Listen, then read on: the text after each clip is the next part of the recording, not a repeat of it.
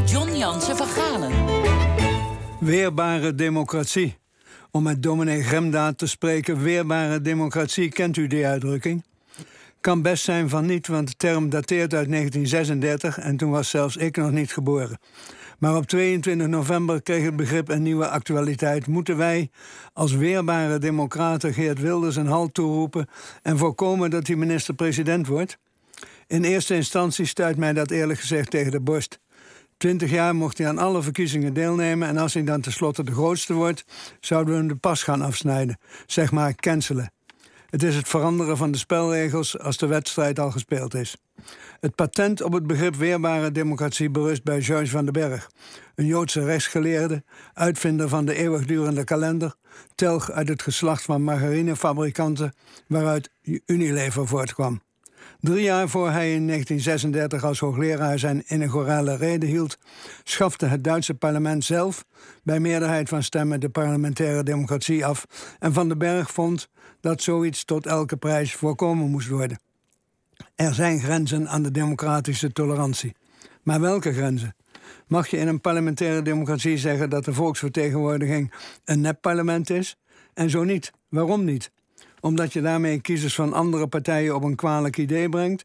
Dat zou een schromelijke onderschatting van de gemiddelde kiezer zijn en van het parlement, dat heus wel voor zichzelf kan opkomen zonder dat er een verbod op dergelijke uitspraken aan te pas komt. Zie ook kop voor de tax, tribunalen. George van den Berg hield zijn oratie toen in Nederland de NSB bijna 8% van de stemmen had gekregen. Wilders kregen nu drie keer zoveel.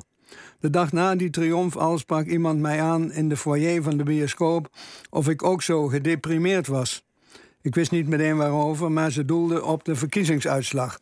Nee, dank je, niet gedeprimeerd. Je kunt niet voor verkiezingen zijn en dan gedeprimeerd raken omdat de mensen verkeerd stemmen. Het is te vroeg voor concrete acties, schrijft Jan Haasbroek, oud-directeur van deze omroep, in het opinieblad Argus. Sorry, is nog niet verschenen. Wanneer is het dan niet te vroeg?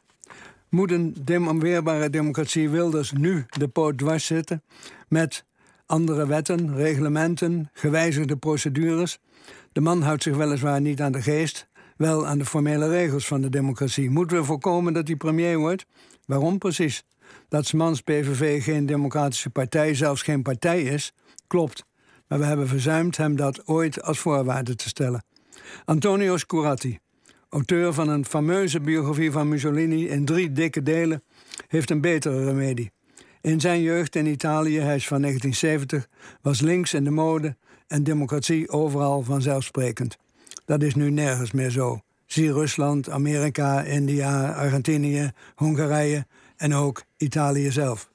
Maar Scuratti eist geen maatregelen of wetten tegen de wassende golf van populistische bewegingen die de democratie van binnenuit uithollen.